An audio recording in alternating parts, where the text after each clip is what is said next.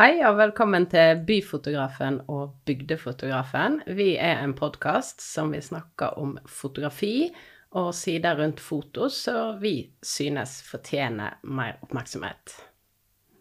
Jeg er byfotografen. Mitt navn er Ingvild Konstanse Festival Melien. Jeg er fra Asker, men har bodd i Bergen i eh, ja, snart 15 år. Gjør mye oppdrag i Bergen og uh, omegn. Før jeg fikk barn, så var jeg også mye ute i verden, men det har uh, begrenset seg litt. Så jeg tar mye Jeg jobber mye innen presse, dokumentar, uh, forskningsformidling, portretter, arkitektur, helse. Yes, og jeg er bygdefotografen. Jeg heter Ingrid Jordal. Jeg er fra Odda. Har tidligere bodd i Finnmark, og nå bor jeg på Voss, så jeg føler at jeg har god dekning for å kalle meg en bygdis. Jeg har utdanna meg i England og en mastergrad fra London i foto, men etter at jeg flytta tilbake igjen til Norge, så har jeg egentlig hatt fokus på å jobbe med fotografi, fotojournalistikk, dokumentar og kunst utenfor de store byene i, i Norge. Og den podkasten her, den lager vi jo litt fordi vi føler det er litt Oslo-sentrert i vår bransje. Jeg sier det? Ja, jeg sier det. Mm. Selv, selv Drøy påstand. Ja. Uh, så vi har jo Vi kommer til å lage ti episoder nå i starten. Uh, og nå i første episode så skal vi rett og slett snakke litt om bransjemyter. Ja. Ingrid, shoot. Bransjemyte nummer én. Du må kunne masse om teknikk og ha masse utstyr. Ja, det stemmer i hvert fall ikke i mitt tilfelle. Er det sant? Ja. Fortell. Nei, altså jeg er ikke veldig teknisk anlagt. Jeg har kjørt samme utstyr siden jeg ble profesjonell fotograf, siden jeg var ferdig utdannet. Før det så jobbet jeg rett og slett bare med analogt utstyr, og det hjalp meg jo veldig til å skjønne hvordan et bilde komponeres, hva man må se etter, hva man må tenke på. Og så gikk jeg etter hvert over til eh, digitalt utstyr, og det har jeg holdt meg til. To Canon-linser og et kamerahus som jeg har byttet ut én gang. Wow. Ja. Det er imponerende. Mhm.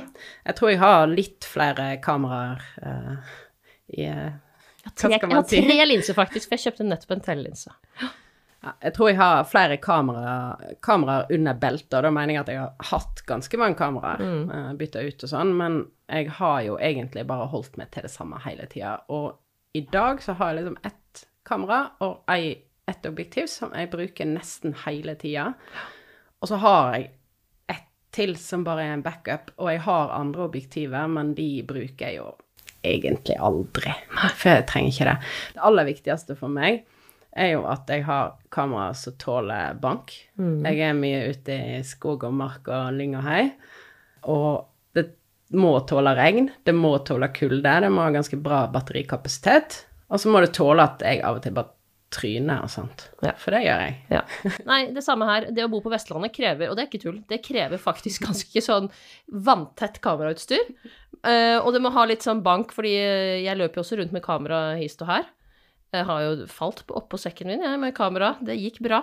Men eh, at man må ha veldig mye teknisk utstyr for å ta bra bilder, det stemmer ikke. Det er personen bak kamera som gjør bildet. Eh, og jeg møter jo ofte folk som spør eller kanskje sier selv hva slags utstyr de har, og, og med det mener at de tar veldig gode bilder, men da tenker jeg ofte at um, det er som jeg skulle kjøpt meg et par uh, veldig dyre langrennsski, og med det blitt en profesjonell ski, uh, skiutøver. Hva tenker du om det?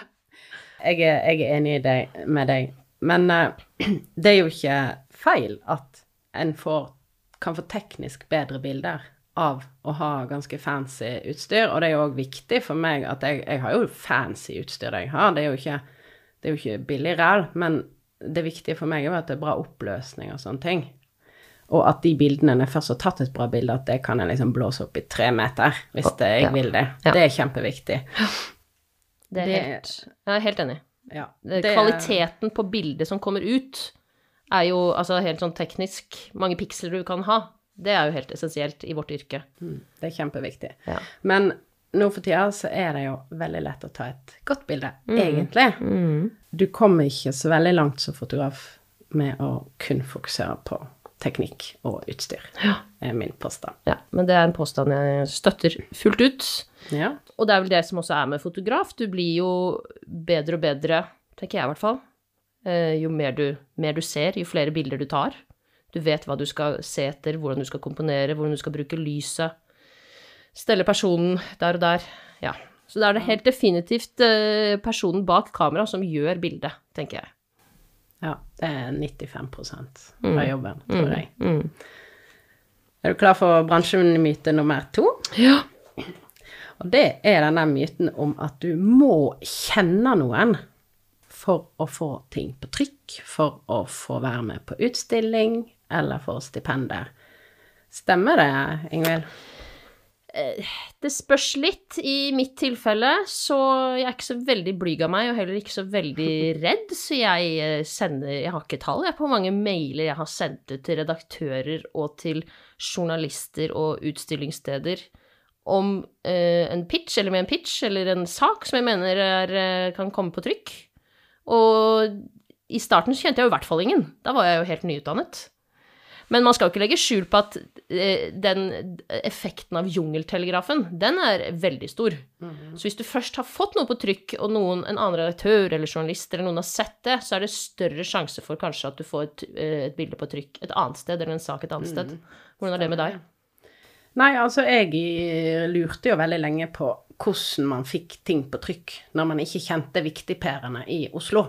Sett litt på spissen, men eh, det lurte jeg virkelig på. For jeg holdt jo bala på i veldig mange år uten å egentlig ja, få så mye ting publisert og sånn, da. Så eh, jeg kan fortelle den første gangen jeg fikk ei nasjonal framside. Altså da var det Dagbladet Magasinet for fem, snart fem år siden. Uh, og da var jeg jo litt sånn som du forteller, at jeg var egentlig ikke så redd for å sende mail, da. Så jeg sendte jo mail, jeg, til redaktøren i magasinet og spurte Ja, hei, jeg har laga en sak om kvinnelige jegere, og her er bildene og litt om hva det var for noe. Vil dere ha den saken? Og jeg ante ikke hvem hun var. Altså, jeg har aldri snakket med henne. Jeg kjente ingen som jobber i Dagbladet Magasinet. Det eneste jeg gjorde, var å Ja, altså utover å ha lest det magasinet noen ganger, da, det var å bare kjøpe det. eh, og så bla opp på side tre og lese hvem er det som har ansvar for ditt og datt og dytt. Mm. Sender mail til de. Mm. Rett på. Mm. Og det funka jo som bare pokker, det. Altså, hun ante jo ikke hvem jeg var heller. Nei, nei. Så det, og det var veldig viktig for meg å forstå det, at det går faktisk an å få til noe Ja. som er den derre første gangen. Og den er ganske viktig. Mm. Den første gangen du klarer å liksom nå inn. For jeg kjente ingen fra før av Mm. når jeg sendte inn den. Mm. Så det er mulig. Mm. Så jeg mener òg, sånn som deg, at uh, det hjelper jo utrolig mye å kjenne folk. Du bygger jo opp nettverk og sånn. Ja. Men det Du starter ikke på scratch med et nettverk. Sånn Nei. er det jo ikke. Nei, nei. Kanskje noen har det litt mer sånn gjennom utdanningen, og sånt, Mm. men jeg hadde ikke det. Så det går fint an å bare begynne rett fra null. ab absolutt. Jeg, fin, jeg bruker definitivt mitt nettverk i stor grad, og gjorde det veldig mye før, da jeg skulle nå enda lenger ut. Men jeg merker jo det etter ti-tolv år i bransjen nå, så, så kjenner jeg jo ganske mange etter hvert, og de vet hva jeg kan prestere og gi. Så i dag så ser jeg på en måte litt annerledes på det enn da jeg var helt nyutdannet for, eh, for ti år siden, da. tol- Tolv år siden. Bransjemyte nummer tre. Det er avliving av bransjemyte. For uh, min påstand er at du kan trygt bruke alle pengene dine på psykolog istedenfor å kjøpe masse nye duppedingser. Ja, utdyp det. Nei, altså Jeg har brukt mer penger på psykolog enn på utstyr. Det er nå i hvert fall helt sikkert. Ja, altså det kan Men, uh... godt tenkes at jeg uh, har gjort det samme.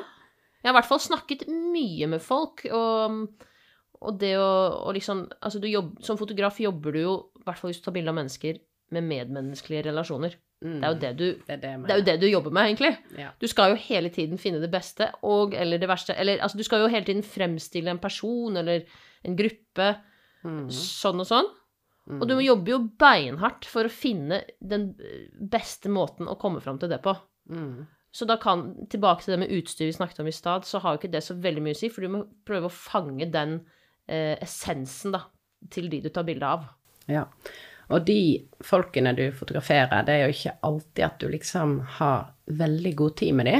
Så du er nødt til å være litt, uh, ja, på ballen på uh, det der mellommenneskelige. Du må klare å på en måte være streng nok til at alle faktisk eh, gjør sånn som du ber om, hvis det typisk er sånn gruppefoto. Men så må du òg være grei nok til at eh, folk får lyst til å gjøre sånn som du ber om. Mm. Så det er en ganske sånn der um, tricky situasjon, og den situasjonen, den, den Du starter på null. Mm. For hver gang du skal ut og fotografere et nytt menneske, så starter du litt på null. Mm. Fordi at Ja, og det igjen med det her eh, kamerautstyret. Kan du sitte hjemme og skru på og stille inn og eh, styre på sånn at det liksom blir sånn som du hadde tenkt det. Men de folkene, de er foran deg der og da, og da må du være skjerpa på det. Og det er vanskelig. Det er kjempevanskelig. Utfordrende. Og det er veldig gøy òg. Det Det- er noe av det- det, det er som er kjekt. Ja, det er jo det som er det spennende med jobben. Du vet jo aldri hva du møter, eller hvem du møter. Om de vil bli tatt bilde av, om de ikke vil bli tatt bilde av. Der møter jeg jo ganske mange som eh, Det første sier jeg 'Å nei, jeg er så stygg på bilder'. Nei, det er du ikke. Ja, hva sier du da til de? Nei, da blir jo jeg psykologen, da, ofte. Eh, altså, jeg driver jo like mye med, med oppbygging av selvfølelse som jeg driver med fotografering ofte. Ikke sant? Det må jeg bare si. Eh, spesielt kanskje til kvinner. Og det syns jeg egentlig nesten er veldig trist. Det skal vi faktisk ha en egen episode om seinere. Mm. Forskjellen på å ta bilder av kvinner og menn. Ja, der har du litt, uh Der er det mye å ta av, ja. Ja. Eh, nei, så det å på en måte få personen foran kamera til å føle seg komfortabel, slappe av, vise seg selv slik han eller hun er, det er en kjempestor jobb. Uansett om du har fem minutter, eller om du har en time. Og så er det litt det du sa med gruppebilder og gruppedynamikk. Det å få alle til å bare se i kamera. Bare ha noen triks i ermet. Eh, Jeg tar f.eks. hvert år tar bilde av en sånn stor gruppe med kreftforskere som er samlet på Solstrand utenfor Bergen. De er kanskje, jeg vet ikke hvor mange de er, mellom 30 og 40. Eh, og da er jeg ganske streng, eh, og Aha. plasserer dem eh, konkret, gir helt konkrete beskjeder. Og hvis de, for eksempel et triks er jo å få alle til å lukke øynene før bildet skal bli tatt, og så sier jeg 1, 2, 3, og så på 3 så åpner alle øynene, Mm. for da er det jo ingen som blunker.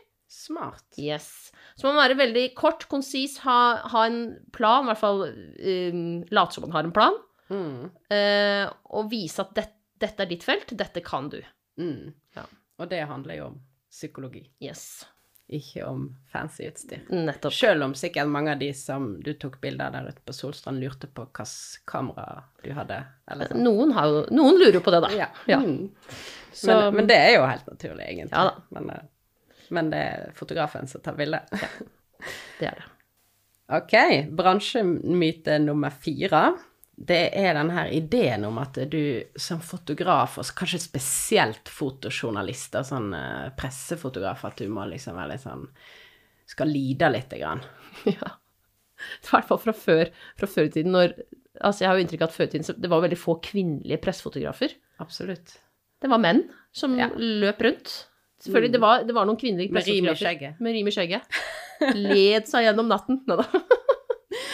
Nei, men altså, jeg, fra spøk til alvor, jeg syns det er deilig å ha det komfortabelt. Mm. Jeg har alltid med sjokolade i sekken. Mm. Det er jo mitt eh, pri nummer én. To, eh, jeg tar meg alltid en lur på kontoret.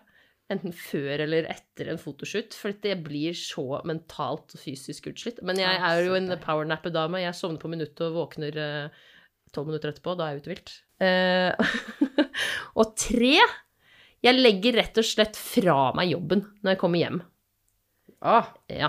det høres eh, Det høres ut som vi må ha en episode om det òg. Ja, ja, ja. Nei, altså for min del så er det mye av det samme. Eh, altså, gode sko, kaffe, ulltruser eh, Det er liksom det som trengs.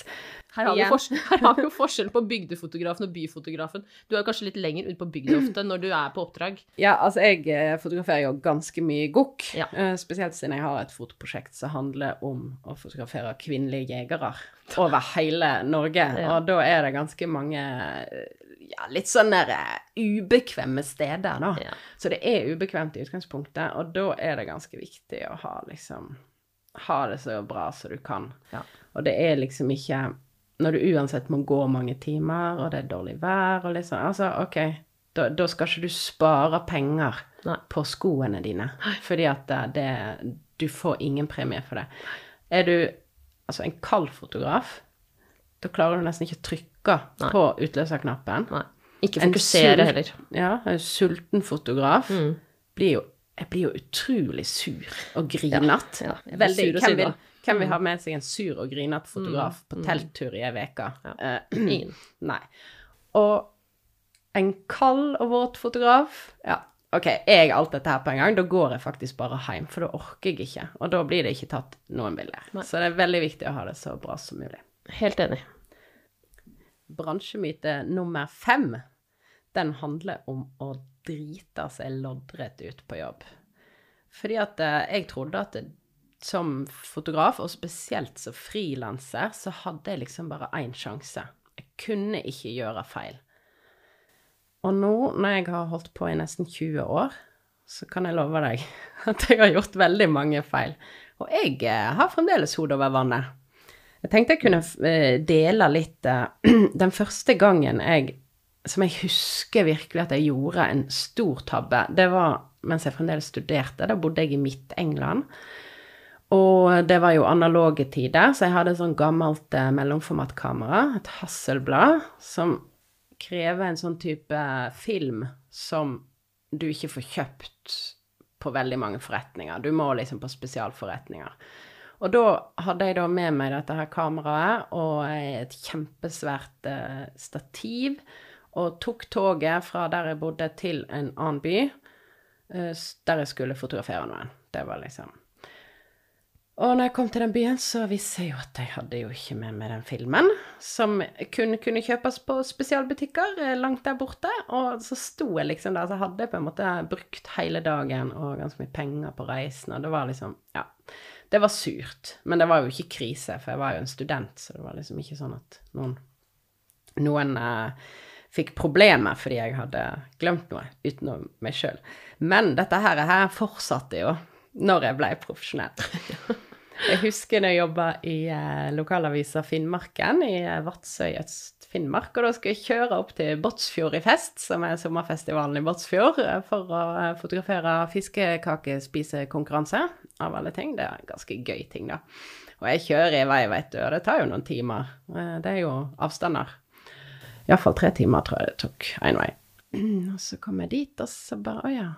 Så trykker du på knappen, og så vil den ikke. Du hører i det, Åh, så og, så bare, og så bare lyser det sånn tomt. Ja. Der så det skal stå hvor mange bilder du har igjen på minnekort, og jeg bare kjenner Du kjenner liksom sånn Det går en sånn ras Ja. gjennom deg. Du blir helt Og kald helt- og varm på samme tid. Ja, jeg ble ganske kald. Ja. Det var jo Det var helt fryktelig. Og da redda jeg meg inn med at jeg ringte til en person som var frilanser for avisa av og til, som bodde der, da. som Så jeg fikk lov å låne det av han. Ja. Og det Altså, det var flaks. Ja. Samtidig så er det det derre hva, hva gjør du? Mm. Du må liksom prøve å tenke. Og der klarte jeg å redde det inn. Uh, og det er ikke så uh, veldig mange år siden jeg òg klarte å reise på en uh, filmoppdrag i Hardanger. Det var ikke så langt å kjøre, da, siden jeg bor i de traktene, men det var nå et stykke. Og når jeg kom dit, så så jeg at jeg, hadde, jeg hadde lagt igjen batteriet til kameraet hjemme, for det skulle jeg bare nett lade litt ekstra Yes. før jeg for, og ja. Og det gikk sånn der kaldt gjennom meg igjen. Og jeg står jeg bare kjenner at jeg begynner å hyperventilere litt, og så bare oh, Heldigvis så har jeg backup-kameraet mitt med meg, for jeg er jo ganske proff, ikke sant? Ja.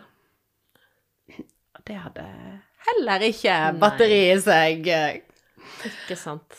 Og da, da Ja, da gikk jeg bort til hun som hadde leid meg inn, og så sa jeg Vet du hva? Jeg har Jeg har glemt viktige ting. Jeg filmer det jeg kan med min mobiltelefon, Mm. og det blir så bra som det blir, og dere får et saftig avslag i prisen. Mm. Men det var jo helt forferdelig å være der. Jeg følte meg så dum. Jeg følte meg helt Det var jo et arrangement òg, sant. Det var liksom Det ble liksom litt synlig, Ja, ja. på en måte. At jeg Hvorfor går jeg rundt med en iPhone og Ja. filmen Skulle ikke du liksom Ja. Filma sånn ordentlig. Åh, det der er så grusomt. Det var helt grusomt. Men det er jo Men- sånn man lærer av, da. Ja. Tror du ikke glemmer batteriet igjen nå? Nei, men det ble en helt ok film, Ja. faktisk. Eh, og det er jo litt sånn Ja, hvis dette hadde skjedd for 15 år siden, så hadde ikke det blitt noe OK Nei, film, for da hadde ikke jeg hatt den telefonen som en backup. Men det eh, Ja. Jeg har, jeg har hatt det som backup flere ganger. Ja. ja, men det er bra. Ja. Jeg kjenner meg jo litt igjen. ehm, Det var jo en gang Det er jo helt forferdelig. Da var jeg student, og jeg husker det må ha vært i liksom midt i eksamenstiden, skjønn, og så hadde jeg fått et oppdrag, og så glemte jeg oppdraget. Jeg glemte å møte opp på oppdraget! Uff a meg, det er jeg flau over fortsatt. Det er helt grusomt. Det var noe ene gangen. Men så er det jo faktisk eh, Helt i starten så tenkte jeg sånn at de som er profesjonelle fotografer, de tar aldri dårlige bilder, tenkte jeg. Altså, Ja, for eksempel ja. Morten Krogvold, tar han noen gang et dårlig bilde? Og så tenkte han, han gjør sikkert ikke det, men etter hvert så har jeg skjønt han må jo gjøre det. Kan, tror du ikke det? Jeg tror kanskje ikke at han putter de i på forsida av boka si, nei. Nettopp. Men han, man har jo et utvalg, man, man tar jo et visst antall bilder, og så gjør man et utvalg. Mm. Men så er det jo skjedd at man tar et visst antall bilder, og så ser man ut at her er det faktisk ikke godt nok. Her har jeg ikke gjort en god nok jobb. Ja. Og da har jeg faktisk ringt og sagt, eller kunden eller hvem det er, vi har blitt enige om jeg tar et nytt, jeg tar en ny shoot, sånn at alle er fornøyde, både, både de og jeg. Sånn man kan, og det er jo kanskje viktig som, man må, som profesjonell fotograf, egentlig som profesjonell eh, utøver av forskjellige slag, holdt jeg på å si, så må man jo innse at man noen ganger rett og slett gjør feil. Jobben man har gjort er ikke god nok. Så da har jeg kommet tilbake og tatt nye bilder, og da har alle blitt happy. ja, men det er ganske hardt å ta den telefonen og si det 'hei, er jo- jeg har gjort en dårlig jobb'. Ja, det er jo helt forferdelig. Man, det kjennes ut som innvollene skal ramle ut, vet du. Ja. Men uh, man føler seg mye sterkere etterpå, så det er jo også ting man lærer av. Mm. Så Ja, det tror jeg også. alle driter seg ut, men Ja. alle har en mulighet til å, å rette opp i det også. Innse, innse sine feil og gjøre det bedre neste gang. Mm. Ja. Det tror jeg òg. Jeg tror det er en del av det å være menneske, for å si det rett ut. Nå har du hørt eh, første episode av Byfotografen og Bygdefotografen. Håper du har lyst til å følge med oss videre. Det kommer flere episoder. I mellomtida så kan du jo gå inn på Instagram og finne Byfotografen og Bygdefotografen, og legge igjen en kommentar eller send oss en melding. Ha det bra! Ha det!